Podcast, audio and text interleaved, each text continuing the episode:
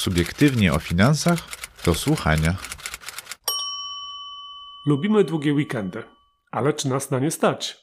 Czy weekendujemy częściej niż inni? Ile kosztują dodatkowe dni wolne od pracy? A może nic nie kosztują? Liczymy. Czyta Maciej Danielewicz. Kochamy długie weekendy, a jednym z najdłuższych jest Wielka Polska Majówka. Niektórzy ekonomiści narzekają, że święta narodowe i dodatkowe dni wolne od pracy osiągnęły już w Polsce zbyt dużą skalę i że pracujemy przez to za mało. Inni mówią, wypoczęty pracownik pracuje lepiej. No to sprawdźmy, kto jest liderem w dniach wolnych od pracy i ile to kosztuje gospodarkę. A może wcale nie kosztuje. My mamy wielką majówkę, ale w innych krajach lubią świętować. Na przykład po koronacji króla Karola III poddani dostali w poniedziałek dzień wolny. Dodatkowe dni wolne od pracy zdarzały się ostatnio w Wielkiej Brytanii kilkakrotnie. Na przykład z okazji platynowego, diamentowego i złotego jubileuszu królowej Elżbiety II, z okazji ślubu księcia Williama, czy to akurat smutne święto z powodu pogrzebu królowej. Długie weekendy. Jak to się robi na świecie? Średniowiecznym zwyczajem w Wielkiej Brytanii Oprócz dni ustawowo wolnych od pracy, od czasu do czasu zdarzają się dni ofiarowane poddanym przez monarchę. Jest to piękny i niezwykle kosztowny prezent, zapewne między innymi dlatego tak bardzo lubiany i doceniany przez poddanych. Na przykład platynowy jubileusz królowej w czerwcu 2022 roku był masowo obchodzony w całym królestwie podczas para, pikników, imprez ulicznych. Ale żeby naprawdę świętować, trzeba mieć wolną głowę. W związku z tym, z okazji 70-lecia panowania królowej na tronie, nie tylko ustanowiono dodatkowy dzień wolny od pracy, ale ustawiono go tak, żeby uzyskać czterodniowy weekend. Po prostu coroczne wiosenne święto, Bank Holiday, przypadające na początku czerwca, zostało przeniesione na czwartek 2 czerwca, a na piątek został wyznaczony jednorazowy, platynowy dzień wolny. W 2022 roku Anglia i y, Walia miały w związku z tym y, dodatkowe dwa, dwa, dni wolne, 10 świąt państwowych, Szkocja 11, ponieważ ma y, dodatkowy dzień wolny i Irlandia Północna 12 dni. Do 8 ustawowych dni wolnych doszły aż dwa dodatkowe. Dużo. Wiele krajów w Europie ma więcej dni ustawowo wolnych od pracy. Szczęśliwi obywatele Finlandii mają ich 15. Może po to, żeby odreagować deficyt słońca, ale skąd w takim razie tyle wolnych dni na pełnych słońca wyspach, Malcie i Cyprze? Tam mają po 14 dni wolnych od pracy. Poza Europą pracownicy ze Stanów Zjednoczonych i Australii mają 10 dni ustawowo wolnych od pracy, Kanadyjczycy 9, a Chińczycy 11. Natomiast Japończycy, znani z ciężkiej, wytężonej pracy, mają aż 15 dni wolnych od pracy. Polska jest europejskim średniakiem z liczbą 12 dni wolnych, czyli taką jak w większości krajów w Unii Europejskiej. Właściwie świąt wymienionych y, w specjalnej ustawie jest 13, ale Wielkanoc to zawsze niedziela, więc nie jest to dodatkowy dzień wolny. Pozostałe święta, oprócz Wielkanocnego Poniedziałku, również mogą przypaść w mm, niedzielę, wtedy y, dzień wolny przypada, ale kiedy święto przypada w sobotę, pracownik ma prawo do odebrania dodatkowego dnia wolnego w innym terminie, zazwyczaj dużo wcześniej ustalonym przez y, pracodawcę. Koronacje, jubileusze, niezbyt kosztowne świętowanie. Analitycy Bloomberg Economics szacują, że dodatkowy dzień wolny 8 maja w tym roku w Wielkiej Brytanii oznacza spadek PKB y, w królestwie o 0,7 punkta procentowego w maju. Wpływ ekstra dnia wolnego na gospodarkę może być tym bardziej znaczący, że zdarza się po raz drugi w krótkim okresie, po pogrzebie królowej we wrześniu 2022 roku. Ekonomiczne znaczenie dni wolnych nie jest jednowymiarowe. Tradycyjnie ekonomiści przewidują z tego powodu spadek produkcji w sektorach przemysłowych, ale odrobienie części tych strat w sektorach usługowych, głównie w turystyce i hotelarstwie. Ale dodatkowe święta związane z wydarzeniami mm, królewskimi mają obecnie mniejszy wpływ na gospodarkę niż w przeszłości. Po spadku produkcji zwykle następuje jej wzrost w kolejnym miesiącu. Dan Hanson, ekonomista Bloomberg Economics, podsumowuje. Doświadczenia Wielkiej Brytanii związane ze świętami państwowymi w zeszłym roku sugerują, że dodatkowe dni wolne miały skromniejszy wpływ na aktywność w porównaniu z latami 2002, 2011, 2012. Sądzimy, że tym razem sytuacja się powtórzy. Ekonomiści policzyli dokładnie, ile kosztował dzień wolny od pracy z okazji diamentowego jubileuszu królowej obchodzonego w roku 2012. Dzień wolny przypadł wtedy we wtorek 5 czerwca i również był powiązany z czterodniowym weekendem, ponieważ wolny był też poniedziałek 4 czerwca. Punktem wyjścia do badań było pytanie, czy gospodarkę brytyjską stać na utratę dnia pracy w sytuacji, kiedy próbuje się ona wydźwignąć z recesji tuż po wielkim kryzysie finansowym.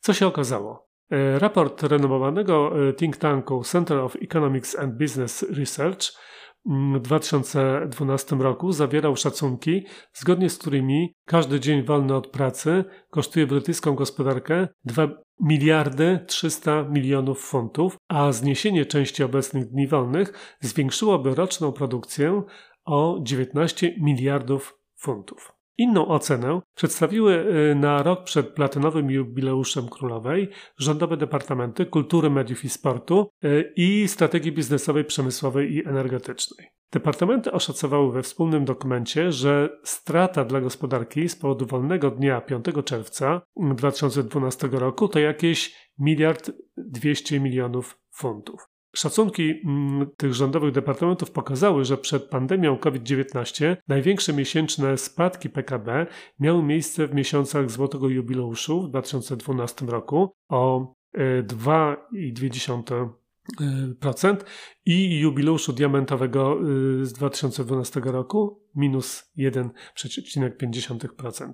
Z powyższych danych wynika, że dodatkowy dzień wolny od pracy i związane z nim zamknięcie działalności produkcyjnej ma zazwyczaj znaczący i negatywny wpływ na PKB w danym miesiącu, ale zwykle następuje odbicie w kolejnym miesiącu. Przedsiębiorstwa zwiększają produkcję, aby dotrzymać terminów dostaw. Niektórzy przekonują, że wpływ świąt na gospodarkę trzeba oceniać w jeszcze dłuższej perspektywie kwartalnej. Chociaż firmy mogą nie być w stanie całkowicie zrekompensować strat w produkcji z powodu tego dodatkowego święta, to już okres trzech miesięcy daje czas na odrobienie zaległości. Dlatego ważne jest, aby rozważyć wpływ święta państwowego na produkcję w perspektywie kwartałów, a nie miesięcy. Mówi brytyjski rządowy raport. Poza tym niektóre firmy, szczególnie w sektorach, w których istnieje większe prawdopodobieństwo wzrostu przychodów, np. handel detaliczny i hotelarstwo, mogą dodatkowo płacić pracownikom za pracę w dodatkowe święto państwowe. Ostatecznie rząd doszedł do wniosku, że wpływ dodatkowego świętowania z okazji królewskich jubileuszu może wahać się od pozytywnego, czyli ożywienia gospodarki nawet miliard 100 milionów funtów do negatywnego, czyli straty w PKB nawet dochodzącej do 3 miliardów 600 milionów funtów. Jak obliczyć ewentualną stratę z powodu dnia wolnego?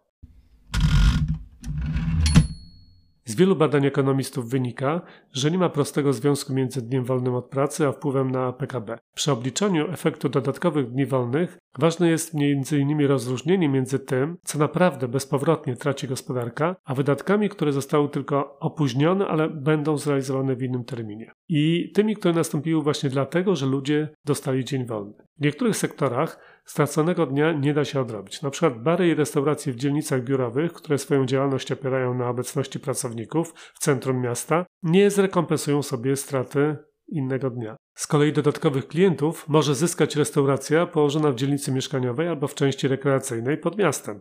Część ekonomistów przekonuje, że w takich y, porównaniach trzeba uwzględniać przede wszystkim produktywność aktywów, które pozostają bezczynne przez jeden dzień i nie mogą być zrekompensowane. Jeśli fabryka nie zmontuje określonej liczby samochodów przez jeden dzień, to pracownikom linii produkcyjnej, zazwyczaj bardzo precyzyjnie zaprogramowanej, trudno będzie to nadrobić w kolejne dni. No, chyba że do gry wejdzie automatyzacja i roboty. Ale to wcale nie jest takie proste. Gdy ekonomiści próbowali obliczyć, ile kosztował dzień wolny od pracy zadekretowany z okazji królewskiego ślubu, który odbył się w kwietniu 2011 roku, to doszli do wniosku, że tak naprawdę nie wiadomo. Według e, Office for National Statistics PKB był wtedy niższy niż mógłby być o 0,1 punkta procentowego, tylko czy na pewno był to wpływ ślubu księcia Williama. Y, to był równolegle, jednocześnie najcieplejszy kwiecień od 100 lat. Było też y, tsunami w Japonii, które wpłynęło na mm, łańcuchy dostaw na świecie. Według szacunków opartych na strukturze gospodarki brytyjskiej, każdy dodatkowy dzień wolny dotyka tej części gospodarki, która odpowiada za około 45% PKB. To przede wszystkim sektor finansowy, administracja, biura, fabryki i place budowy. Natomiast około 15% gospodarki to sklepy, puby, restauracje i atrakcje turystyczne i ta część gospodarki w dni wolne korzysta. Przywoływana już analiza departamentów rządowych pokazuje dane dotyczące czterech sektorów gospodarki rolnictwo, produkcja, budownictwo i usługi w okresie dwóch jubileuszy królewskich. Najmniej podatne na dodatkowe dni wolne e, jest rolnictwo z racji bardziej zadaniowego, a nie godzinowego charakteru tej branży. Zarówno produkcja, jak i usługi odnotowały ujemny wpływ netto w czerwcu, kiedy przypadały jubileusze i złoty i diamentowy. Jeśli zejdziemy ze skali makro do na przykład e, innego badania brytyjskiego pochodzącego z 2018 roku w skali mikro, to wynika, że dodatkowe święto państwowe w czasie królewskiego diamentowego jubileuszu przyniosło małym sklepom Wielkiej Brytanii średni wzrost zysku o 253 funty na każdy sklep. Święto zwiększyło sprzedaż detaliczną o 15%. Ten wzrost wystąpił głównie w branży artykułów do majsterkowania, prac domowych, drobnych remontów i w sklepach ogrodniczych. Również w innych krajach przeprowadzone analizy kosztów e, dnia wolnego pokazują e, wpływ na e, PKB. Na przykład ciekawe jest obszerne opracowanie, które powstało we Włoszech, kiedy mm, ustanowiono tam dodatkowy dzień wolny w 2011 roku jako jednorazowe święto z okazji 150. rocznicy zjednoczenia kraju. Wtedy nie odnotowano strat, a wpływ dodatkowego dnia był niewielki, ale raczej pozytywny. W opracowaniu Uniwersytetu Katolickiego w Mediolanie wykorzystano analizę ekonometryczną na podstawie danych od lat 50. XX wieku i wyniki tego długiego szeregu czasowego pokazały, że święta państwowe mają bardzo niewielki wpływ i nie jest on negatywny. Dlaczego? Dlatego, że firmy na ogół nie pozostają bierne, dostosowują swoją produkcję w ciągu roku do okoliczności, aby zaspokoić całe zapotrzebowanie na ich produkty. Do tego dochodzą pozytywne społeczne emocje i znaczący wpływ z turystyki i sektorów czasu wolnego. Dni wolne od pracy są dla gospodarki zbawienne czy niszczące? Mimo tych wszystkich ustaleń, wielu brytyjskich ekonomistów e, apelowało ostatnio, żeby skoncentrować się na nadganianiu tworzenia PKB po fatalnym okresie pandemii zamiast na świętowaniu. Na przykład think tank CEBR wskazywał jako wzór Koreę Południową, która stosunkowo szybko wyszła z kryzysu finansowego 2008-2009. Chociaż jest tam więcej świąt państwowych niż nad Tamizą, think tank obliczył, że przeciętny pracownik pracuje tam ponad 500 godzin więcej rocznie niż pracownik brytyjski. We współczesnym świecie trudno jednak określić wpływ godzin pracy na wyniki, głównie na wydajność pracy i produktywność jakiejś firmy. Nowoczesne i efektywne sposoby organizacji pracy i e, robotyzacja, automatyzacja, a już niedługo zapewne powszechne wejście do produkcji i usług sztucznej inteligencji to czynniki mocno zmieniające obraz gospodarki. No bo na przykład, y, która Polska jest bogatsza? Ta, w której ludzie pracują przez 5 dni w tygodniu od 30 już lat, czy ta, w której ludzie pracowali 6 dni w tygodniu przez kilkadziesiąt lat wcześniej? To oczywiście pytanie z upraszczającą e, problem tezą. Gospodarka ery komunizmu była z założenia nieefektywna, a większość wartości dodanej była zawłaszczona przez państwo lub marnotrawiona. Ale na pięciodniowy tydzień pracy przeszły też kraje z gospodarką kapitalistyczną i one potem dynamicznie się bogaciły. Można nawet powiedzieć, że właśnie wtedy, przy krótszym czasie pracy, wzrost gospodarczy w zachodnim świecie eksplodował, co było wynikiem zmian w organizacji i narzędziach pracy. Można się zastanawiać, na ile ten wzrost efektywności został wymuszony skróceniem czasu pracy, a na ile był efektem postępu technologicznego. Obecna Polska jest o wiele bogatsza, mimo że pracujemy dużo krócej, a mówimy o, uwaga, 52 dodatkowych dniach wolnych od pracy obecnie w porównaniu z liczbą dni obowiązkowej pracy w Polsce jeszcze w latach 70. Bo wszystkie wolne soboty mamy dopiero od początku lat 90. XX wieku. Poza zmianami w produkcji i unowocześnieniu przemysłu, w tym czasie nastąpił bezprzykładny wzrost sektorów wypoczynku i rekreacji, gigantyczny wzrost sprzedaży detalicznej, której duża część odbywa się w soboty. Sektory weekendowe handlu detalicznego dają pracę setkom tysięcy ludzi. Mamy do czynienia również ze skokowym wzrostem długości życia. Mm, to oczywiście powody są zróżnicowane, ale więcej czasu poświęconego na wypoczynek pozwala zadbać o zdrowie, a także lepiej zrelaksować się po pracy, co sprzyja zdrowiu. Zresztą i tak wciąż pracujemy długo. Mm, Polacy są wśród najdłużej pracujących narodów Europy. Widać wyraźnie, że długość pracy nie przekłada się automatycznie na poziom bogactwa. Na przykład w zestawieniu najdłużej pracujących narodów mm, europejskich są bowiem narody, które nie należą do liderów zamożności. No, na przykład są to Grecja, Bułgaria, na trzecim miejscu jest Polska, tak? Czechy, Słowacja, Rumunia, Węgry, Chorwacja. Oczywiście z dniami wolnymi od pracy nie należy przesadzać. Być może w przyszłości faktycznie będziemy pracować 4 dni w tygodniu, ale na to jeszcze musimy poczekać. Monarchii na razie nie mamy, więc nie możemy liczyć na wolne od pracy dni ekstra, tak jak Brytyjczycy.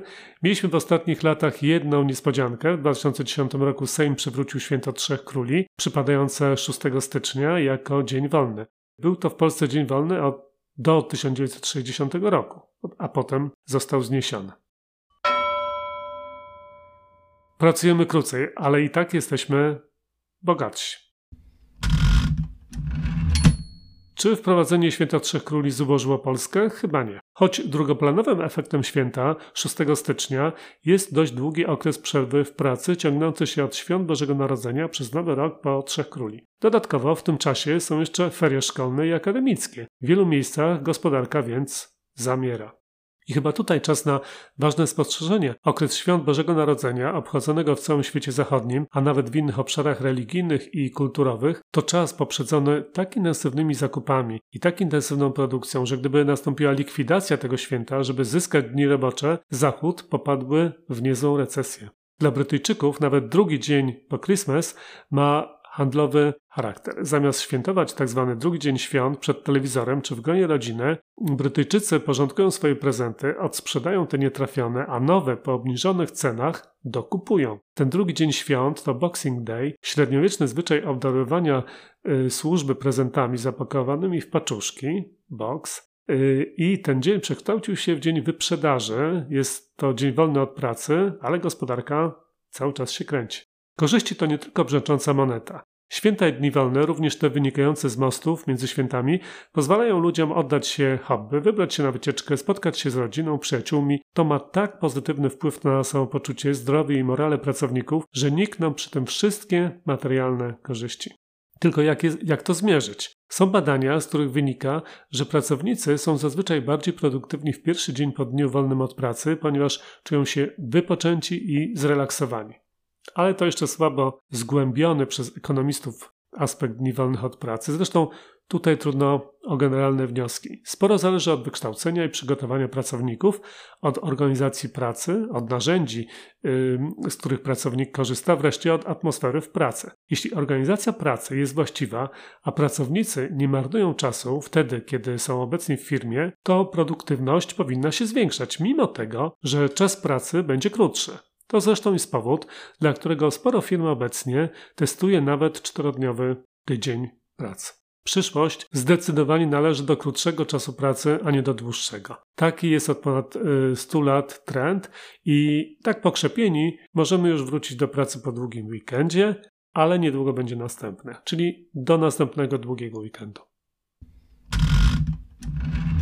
To była audycja z cyklu Subiektywnie o finansach do słuchania. Więcej artykułów czytanych przez autorów znajdziecie na naszej stronie www.subiektywnieofinansach.pl w zakładce do słuchania oraz na naszym kanale podcastowym.